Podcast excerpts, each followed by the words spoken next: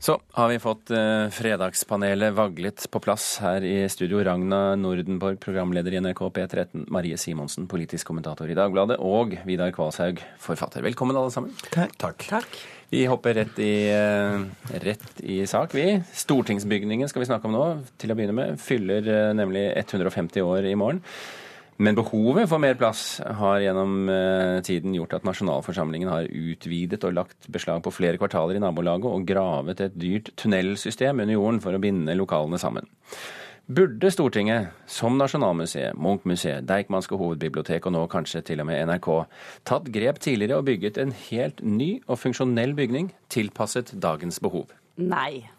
Nei, nei. Nei. Nei, nei. Dette var veldig bestemt.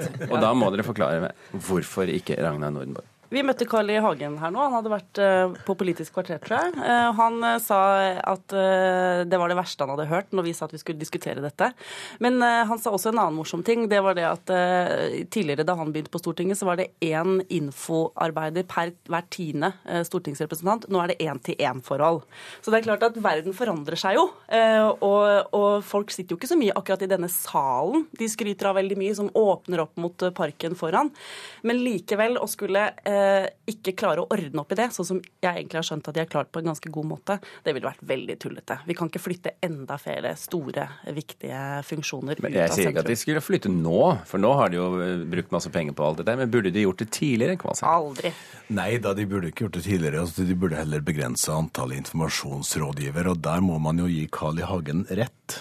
Og det er ikke er du sikker på at det ville vært mye bedre hvis de hadde min, færre Et informasjonsrådgivernes hus har jeg mye mer tro på enn akkurat eh, det å skulle flytte Stortinget. For tar du funksjonen bort fra det bygget, så, så smuldrer hele Men dette var, Nå syns jeg mine medpanelister er, er veldig, veldig pragmatiske, eller litt sånn, sånn praktisk anlagt. Altså, en Hovedgrunnen til at vi ikke skal flytte Stortinget, og ikke burde gjort det for ti år siden og ikke om 20 år, er jo at det ligger der det er, og er et monumentalbygg i Oslo. Et symbol og en kraft. og jeg har en tanke bak at det ligger der det ligger, mens Slottet ligger rett over osv. Så, videre.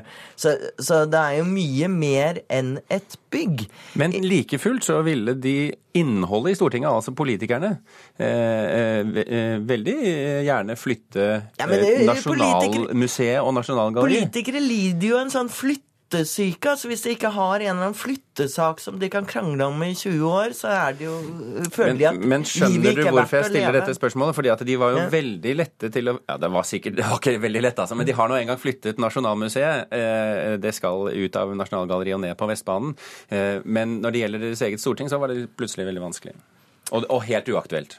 Ja, men vi er jo også et land som, som lever av lokaliseringsdebatter. Eh, både internt i Oslo, mellom bydeler og mellom landsdeler. ikke sant? Sånn at Hvis vi ikke har en lokaliseringsdebatt, så, så har vi ingen reell eh, uenighet her i landet. Eh, men hva med stortingsgarasjen? Det blir snart forbudt med biler innenfor Ring 1. Der har vi en mulighet til kontorplass. men, men det som også er fint med dagens bygning, er at det er sånn naturlig avgang ved at noen ustanselig går seg bort. Forsvinner, blir aldri hørt fra igjen. Så det er bare de sterkeste som overlever der. Og dette gjelder både journalister og politikere. Ja, men informasjonsarbeidere, informasjonsarbeidere de finner veien. Det er derfor det er så mange av dem. Nemlig. De, de, har bare akkumulert, er det det du sier? Ja. Vi eh, hopper fra Stortinget til eh, andre eh, bygninger. Sju, eh, og for så vidt eh, et helt annet tema, sju av ti personer ønsker at eh, konsert- og teatersaler skal være mobilfrie soner. Det viser en undersøkelse vi har gjort. Likevel så oppfordrer flere teatre publikum til å ta bilder og spre dem midt under forestillingene, og mobilen er blitt den nye lighteren på konserter. Jeg husker hvordan vi holdt lightere opp på, på 80-tallet. Spørsmålet vårt er bør mobilbruk på kulturevenementer begrenses? Nei. Nei, nei. Nei. Ja, men Nei, men det går ikke. Fordi eh, denne debatten eh, var jeg vitne til eh, inni en, en bransjeorganisasjon som heter Konsertarrangørforeningen. Hvor dette kom opp. Og da sier jo de at eh, nei, nei, nei, for all del, det må dere ikke gjøre. Eh, og da snakket jo de om arrangørene, og ikke minst artistene. Som jo eh, elsker at sosiale medier eh, er til stede. Altså gjennom at alle har hver sin mobiltelefon og sprer budskapet. Hashtagger artisten stedet, og så, så fungerer de som bitte små sånne reklamebyråer. Og så var det noen eh, som syntes at det var slitsomt, at eh, du ikke får den derre lukka opplevelsen som det er. En sånn fantastisk kommunikasjon mellom scene og sal, som jo jo er å gå på konsert og er å gå på teater.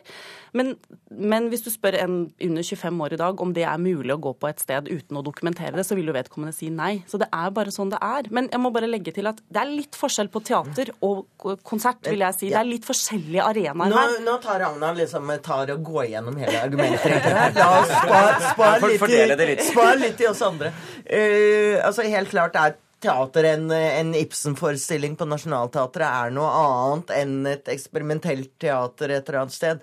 Eh, og teater og konsert igjen er forskjellig. Og jeg tror dette regulerer seg litt selv. Jeg var på konsert faktisk sist helg hvor jeg tok frem begeistret og tok bilde av, artisten, men hadde glemt å slå av blitsen. Og da var det tilløp til bo, buing og håndgemeng. Så dette er en slags sånn sosial korreks, tror jeg. Og det samme hvis du reiser deg opp og tar et bilde av eh, Nora idet hun eh, forlater eh, dukkehjemmet, så, så tror jeg du blir raskt satt på plass, bokstavelig talt. Vidar? Ja, men har vi, ikke, har vi ikke lært oss å skru av både lyd og blits egentlig gjennom disse årene? Sånn av oss selv og av Åpenbart andres ikke alle. korreks? Nei, ikke alle. Men det er jo noe med konsentrasjon. altså Skuespillerne snakker jo om dette forstyrrende elementet at, at noen sitter i salen, men ser ikke på scenen, men ser ned på hånden. Ja, Så får du jo sånn blått lys i ansiktet òg. Altså, du ser masse sånne rare ansikter plutselig der du er vant til at salen er mørk. Men det kan vel en skuespiller kanskje venne seg til, for å være litt eh, streng. Du foretrekker det? Jeg tenkte på Kanskje man kunne ha løst det ved at man hadde sånn um, Folkens, uh, nå tar vi en sånn, uh, sånn Vi tar en sånn eh, Sånn som det er på TV-serie, en sånn liten sånn greie før vignett. Da har alle lov å filme og ta litt bilder. Og så, så starter vi på nytt, og da legger vi det bort. Så får alle dokumentert, og så blir alle Men skuespillerne de, fornøyde. dere var så unisont enige i dette. Men eh, la dere merke til at sju av ti personer ønsker at det skal være mobilfrie soner? Er det dere som det er noe galt med? Prøver dere liksom å være Men, men, men jeg, tror, eh, som, jeg tror at det er et litt sånn sosial regulering etter hvert. At det ikke blir kult å ta opp mobilen i visse tilfeller. Og det ser du allerede, at folk begynner å bli litt mer disiplinerte. Eller at de ser på deg litt stygt. Og jeg tror også at dette kommer til å bli den samme utviklingen som røyking etter hvert. Litt. grann. Ja, og så spørs det litt hva det er spurt om. Altså, det er klart å føre en samtale under en forestilling, der er det garantert sju av ti, nærmere ti av ti. Ikke sant? Men hvis det er snakk om å ta et diskré bilde eh, fra sin plass, så er det noe annet. Så det spørs hva man har assosiert med det spørsmålet også. Disiplin er stikkordet, med andre ord. Ja, Du ser det bare på T-banen, og så sitter det noen og prater der, så er alle blikkene der, altså. Eh, men sitter det noen og taster, så er det ikke noe problem. Sånn har det blitt. Sånn har det blitt. Ok. La oss hoppe til eh, arvingene etter eh, film, unnskyld, filmskaper Arne Skauen. Som denne uken hindret Cinemateket i å vise filmen 'Barn av solen', fordi de syntes den var for dårlig og ikke representativ for Skauens talent. Eh, regissøren la i sin tid eh, selv ned en klausul mot visning av filmen, men Cinemateket i Oslo syntes likevel det var uhørt å bli stanset. Så spørsmålet vårt er skal kunstnere og eh, arvinger få sette premisser for verkene i evig tid? Vidar? Ja. Nei. Nei. Ja, Vidar. Ja, fordi det må være litt angrerett, selv om det kan være offentlig finansierte filmer eller bøker eller andre kunstverk. Eh, Ja, fordi det er, eh, det er lov å, å angre. Det er lov å, å være retrospektiv på seg sjøl og si at dette holdt ikke. Jeg har sjøl en bok fra 18 år tilbake som aldri mer skal ut. Nå har jeg tatt eierskap over den også, bare, bare for å kunne legge den død, uten sammenligning for øvrig. Men nå er det jo eh, det, Du har en egnerfamilie som er veldig strenge, du har andre som er veldig strenge, og, og der må det skje på deres premisser, og gjerne da på kunstnerens premisser. Det er greit. Eh, Et hovedpoeng her er jo at, eh, at eh, det har gjerne vært offentlig betalt. Det er, eh, det er offentlig finansiert. Flere, særlig innen film, så er det selvfølgelig mye offentlige penger. Og da kan man ikke. Da må man også få litt igjen. Det er på en måte blitt en offentlig eiendom. Og når det gjaldt akkurat denne filmen, så er det jo helt klart at den å vise den kommersielt hadde løst seg selv. Hvis du hadde satt den opp på Saga, så hadde ingen kommet. Men dette er for entusiastiske cineaster som vet at dette er en film som Skauen ikke likte selv, og så vil de se den i en slags historisk kontekst. Ja, for jeg også gikk litt eh, inn i argumentasjonen på begge sider, og er jo da enig med Marie her at når, når, eh, når etterkommerne til Skauen, Synne Skauen sier at det er fordi den er for dårlig, så vil han ikke at den skal ut og bli på en måte kommersialisert. Så tenker jeg at er det ikke akkurat et sted hvor folk kan lære av feil og mangler ved et manus, ved en gjennomføring, så er det jo de folka som er på Cinemateket. Det er jo ingen andre.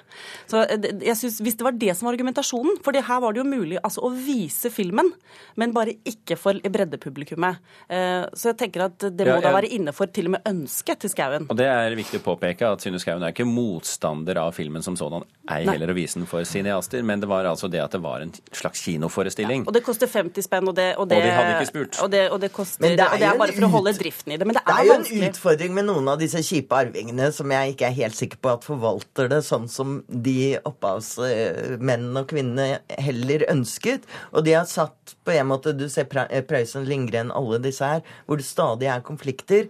Og mye av det er bra. De har kanskje forvaltet det bra, men samtidig så er det et folkeeie som ikke blir tatt i bruk i den grad det kunne. Men Vidar Kvalshaug, du er jo en dannet herremann. Vil ikke du egentlig mene at det er fordelaktig for, eh, for historien at man også ser de dårlige sidene av, eh, av artistene og forfatterne og filmskaperne? Jo, jo, og det, så lenge det finnes der ute, og det er Cinemateket, så er det greit. Men på, på et spørsmål om hvem som skal bestemme, så, det, så ligger det hos, hos kunstneren og, og, og, deres bemyndigede, for min del. Nå er det jo sånn, Maria, at vår gamle kollega Arne Skouen han fant jo også opp terningkastet, og jeg tenker hvis han hadde lagt inn en klausul der, så hadde alle vært enig, ikke sant? Jeg syns det er gøy å tenke på alle malere som har skrapt av malingen på lerretet og begynt på nytt, og forfattere som pælma manus i søpla og reiv de to. Men eh, kanskje man glemte å rive de to, så ble det gitt ut likevel. Jeg vil gjerne ha trukket altså, tilbake noen av mine kommentarer. Ikke sant? De ligger der ute. Kan de stoppe det? Slutte med dette internettet som sprer alle tingene. Men du må kanskje bare tåle det, altså. Du har laga noe litt dårlig, og så har du laga masse bra. Maria. Det kan jo være vel så interessant. Ja. Ja. Fint. Vi runder av eh, Fredagspanelet i, eh, i den, eh, med den eh, kommentaren til slutt. Eh, og så runder vi av også Kulturnytt. I dag har vi fortalt at ny internetteknologi for betaling og transaksjoner skal gjøre det mer lønnsomt å være artist, men bare hvis alle samarbeider. Og så er det sånn at dette er en teknologi. Eh, ordet er blockchain, og det er lenge til den blir implementert. Men følg med, det er et interessant aspekt. Stine Traalt, Birger Kolsrud Aasund takker for følget.